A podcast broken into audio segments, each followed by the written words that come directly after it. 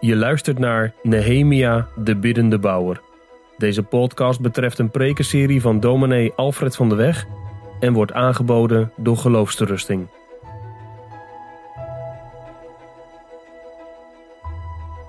Zowel vanmorgen als vanmiddag luisteren we naar Nehemia 8. We lezen deze morgen uit de schriften Nehemia 8, vers 9 tot en met 13.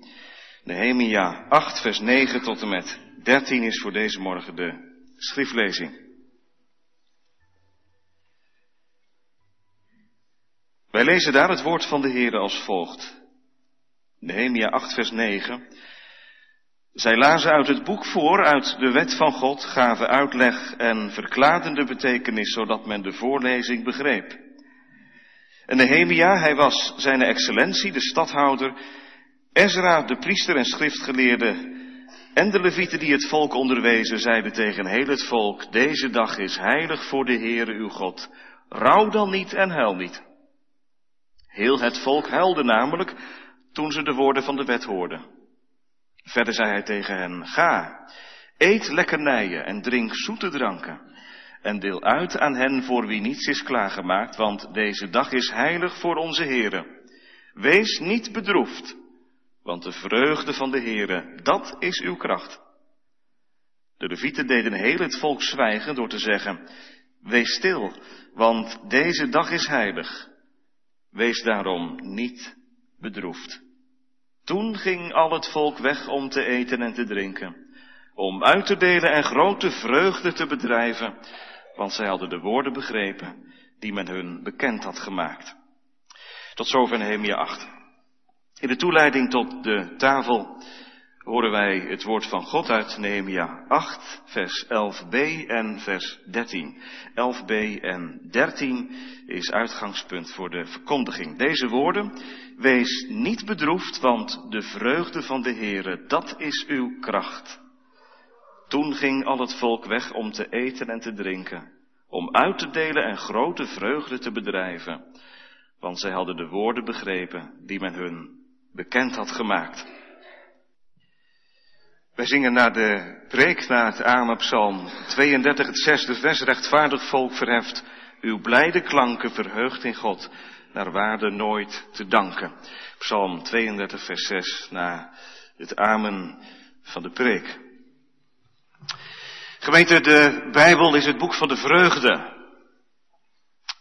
Daar begint hij mee en daar eindigt hij ook mee. Als God de wereld in het aanzijn roept, is de eindconclusie dat het zeer goed was en dat God zich verheugde over de werken van zijn handen. Hij had er diepe, diepe vreugde in. En de Bijbel, jongens en meisjes, eindigt ook met vreugde. Als de bruiloft van het lam, die aanstaande is, volle werkelijkheid zal zijn. Wat een vreugde zal dat wezen. Als de bruidsgemeente van Christus daar aankomt en de gebrokenheid voorbij is. De verlegenheid voorbij. De zonde voorbij. Maar hier is het land van de rust niet. Nee, dat is waar.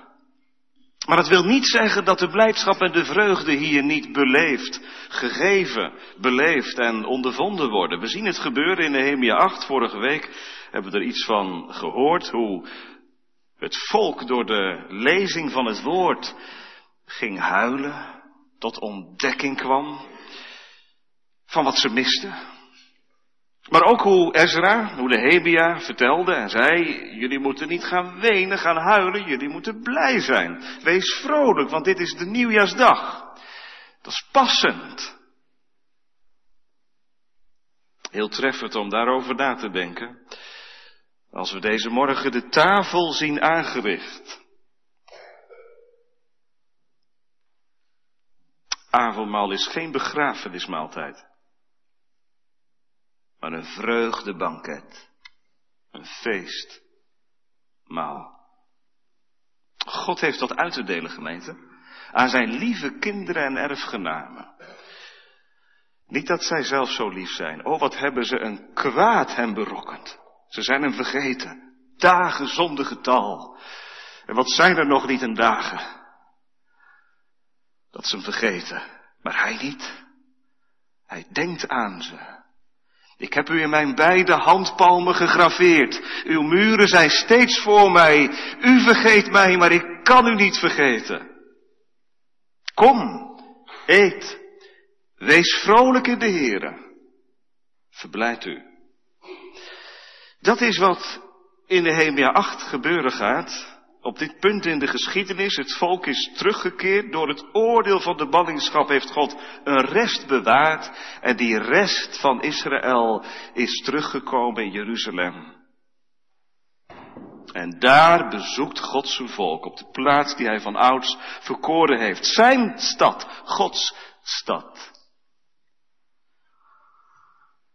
God bezoekt zijn volk niet om ze eens even door het slijk te halen, op een nummer te zetten. Hoeveel recht en reden er ook was om dit volk.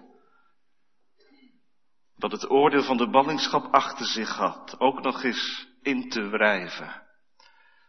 Wat ze hem, hun schepper en verlosser, geen, niet voor kwaad hadden aangedaan. O zeker, als het woord geopend wordt, krijgen ze echt te horen waar het aan ontbreekt. En schuldbewust en schuldverslagen staat daar een hele menigte van mensen op het, water, op het, op het tempelplein voor de waterpoort. Er gebeurt wat. Ja, wat wilt u? Als, als het woord open gaat, dan gebeurt er wat. De opening van uw woorden geeft licht. En dat licht, jongens en meisjes, ontdekt, laat zien wat een chaos, wat een rommel, een rotzooi het kan zijn in je hart van binnen. Het schudt wakker. Wij zijn God vergeten. Wij hebben zijn woord vergeten. En daar kwamen ze achter daar op het tempelplein. Maar dat was niet de eigenlijke bedoeling van de Heer. Die, die droefheid, dat was als het ware het kanaal waardoor de vreugde van God moest, kon binnenstromen. De gebroken en verslagen harten, die waren kwetsbaar, maar tegelijk kostbaar en bruikbaar werk in de handen van God de Heilige Geest. Waar was het God en waar is het God vandaag om te doen? Als het avondmaal geen begrafenismaaltijd is, maar een vreugdebanket, waar is het God dan om te doen? Dat God zijn geliefde kinderen en erfgenamen verheugd in God laat zijn. En laat beseffen, vreugde is geen emotie die ik opwek, die ik in handen heb, maar vreugde is te vinden buiten mij, in God, de blijdschap, de vreugde van de Heere. Dat is uw kracht.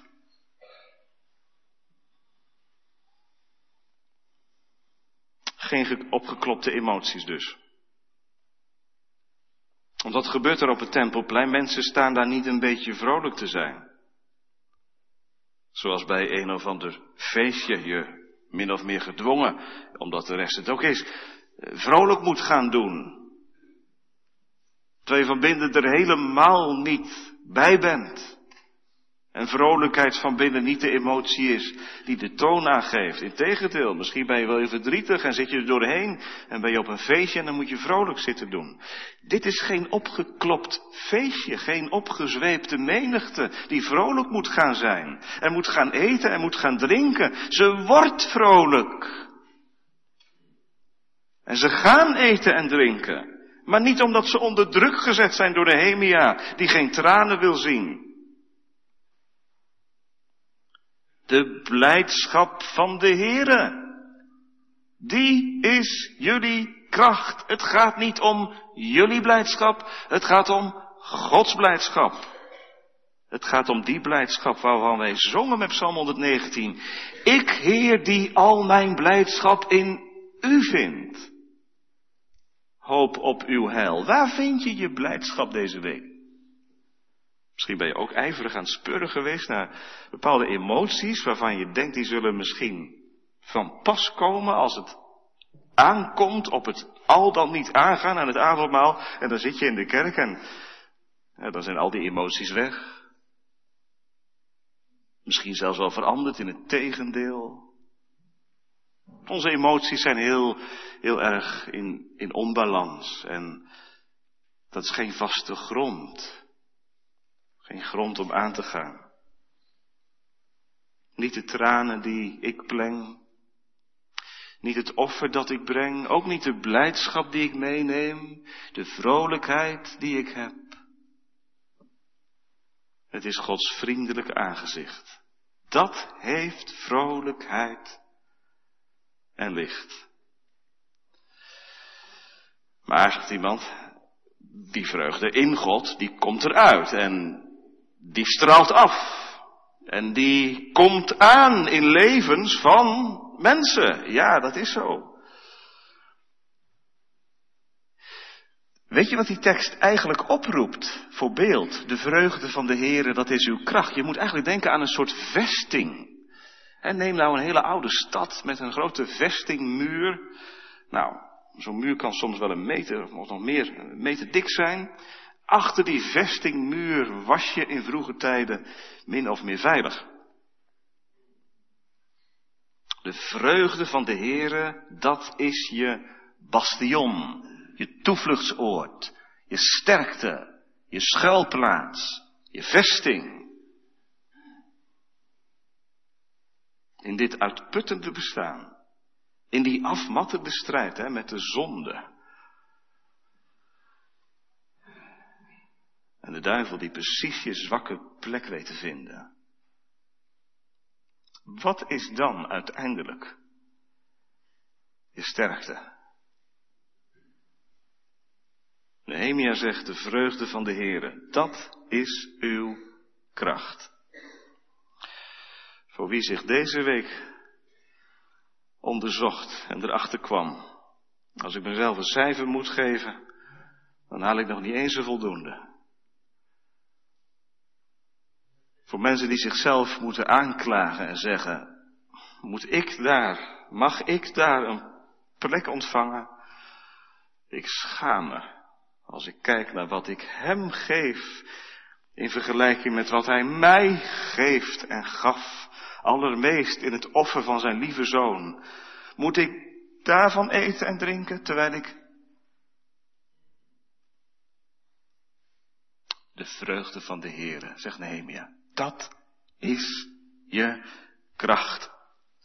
Ja, juist als je zo weinig ijver voor God tegenkomt in je leven, zo weinig vuur voor Hem, zo weinig navolging, zoveel struikelen. Je hebt je hart verloren aan Hem. Je hebt ontdekt, toen ik tot Hem de toevlucht nam, wendde Hij zijn aangezicht niet van mij af, maar zijn aangezicht bleef in gunst naar mij gewend. Ik heb hem gevonden. Hij vond mij. Als een verloren zoon kwam ik thuis. Maar ik geef hem niet wat hij verdient. Nee, ik geef hem niet wat ik verdien. Hij geeft mij vanmorgen wat ik niet verdien. Dat is te leven van zijn vreugde. Wat denkt u in de nacht waarin Jezus verraden werd? Even een sprong naar het Nieuwe Testament. Toen de, discipel, de discipelkring om de tafel geschaard was en Jezus brood en wijn nam en uitdeelde, aanreikte. Wat was de uiteindelijke bedoeling daarvan? Dat de discipelen, ook als Jezus zou sterven, begraven zou worden, op zou staan, naar de hemel zou gaan, als zij zonder Jezus zouden zijn, dat ze het zouden weten, die tekenen van brood en wijn. Daarin verklaart God zijn vreugde, zijn liefde. Zo doet Hij zijn kinderen delen in zijn vreugde. En gemeente, daar wordt de Heer zo blij van. Wij, kijken altijd maar van onderaf naar boven toe. Worden wij blij vanmorgen? Worden wij aangedaan? Het is een extra, een zegen. Maar waar wordt hij nou blij van? Hij wordt vrolijk. De Heere verblijdt zich met een grote vreugde over het werk wat hij doet in je leven. God wil niets liever gemeente dan dat wij ons verheugen terwijl de ogen vol tranen zitten over het gebroken lam, wat straks wordt opgediend. Met heel zijn hart en met heel zijn wezen verheugt God zich in de liefde die zijn zoon geeft aan zondaren. En wat wordt God vrolijk van zondaren?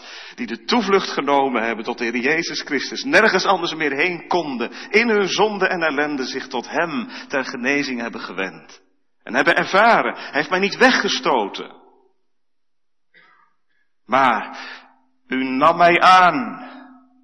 En u verzorgde mij met alle goed.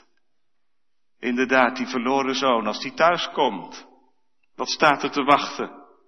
Een uitbranden van je welste, de deur, kom binnen. Als die zoon met schuldbeleidenis thuis komt en de vader in ontferming deze jongen aan zijn, aan zijn vaderhart drukt, zegt hij, laat ons eten en drinken. Wees blij en vrolijk met mij, want deze mijn zoon was dood en hij is weer gevonden, hij is levend geworden. En ieder mag delen in die vreugde. Wees vrolijk in de Heere.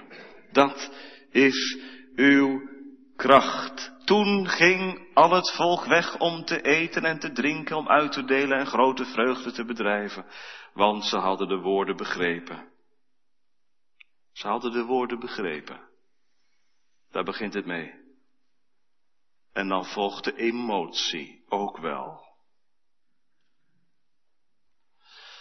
Ze hadden de woorden begrepen, ze geloofden het heil en troostrijk woord van God. Wij draaien het vaak om. Eerst de emotie, dan het geloof. Nee, eerst het geloof. Het hartelijk buigen voor het woord. En de emotie wordt voortgetrokken door de locomotief van het geloof. Wees vrolijk, verheug u in God. En daarom wil God dat zijn lieve kinderen en erfgenamen vanmorgen niet komen met hangende hoofden. Zoals veroordeelde misdadigers, die naar het schavot lopen. En daar de vernedering ondergaan. Hoe moet ik dan komen? Hij wil zegt Eschine dat wij met vrijmoedigheid en vertrouwen tot Hem zullen komen. Zoals kinderen tot hun vader. Niet als veroordeelde misdadigers naar het schafot, maar als kinderen tot de vader. Alle goeds van Hem verwachtend en biddend en hopend op zijn heil. Ik hoop op u, heren, die al mijn blijdschap in u vindt. Nergens anders is er blijdschap te vinden. En al die keren dat ik mijn blijdschap wel buiten u zocht, ben ik toch teleurgesteld geworden. Ellendig mens dat ik ben. Buiten u is niets dan zorgen, strijd en moeite. Doe mij in u geborgen zijn, heren. Levend manna, Christus Jezus, in iedere nood en zelfs bij de dood sterkt ons dit brood. En heeft ons hart, hoe het ook smart, door dat gebroken brood vreugde ontvangen. Er is wat te halen, gemeente. Omdat God een God is die uitdeelt. Royaal. Aan zijn kinderen vertrouwt hij alles toe. Want reken maar gemeente, de Heer wordt er een niet vreugdevoller van dan wanneer zijn kinderen in Hem hun heil en hun hoogste geluk beschouwen en vinden. Ik hoor iemand zeggen, ik ben zeer vrolijk in de Heere. Ik verheug mij in de God van mijn heil. Waarom dan? Wat is de reden? Hij heeft mij bekleed met de klederen van het heil. De mantel der gerechtigheid is hij mij omgedaan. Sieraad gaf hij. En vreugdeolie gaf hij. Terwijl treurigheid en af moesten wijken. Waarom? Hoe kan dat? In deze gebroken werkelijkheid. Waar mijn vlees, mijn oude mens, zo springlevend kan zijn. Dit is het. De vreugde van de Heere. Dat is uw kracht. In het strijdperk van dit leven. In de gebrokenheid. In het tweegevecht met de boze. In je jammerlijke twijfel en ongelovigheid. In je God vergeten. Kom, mijn kinderen, eet en drink van wie ik ben. En wees ervan verzekerd. De vreugde van de Heere. Dat alleen is je kracht. Rechtvaardig volk, verhef dan uw blijde klanken. Verheugd in God, maar waarde nooit te danken. Amen.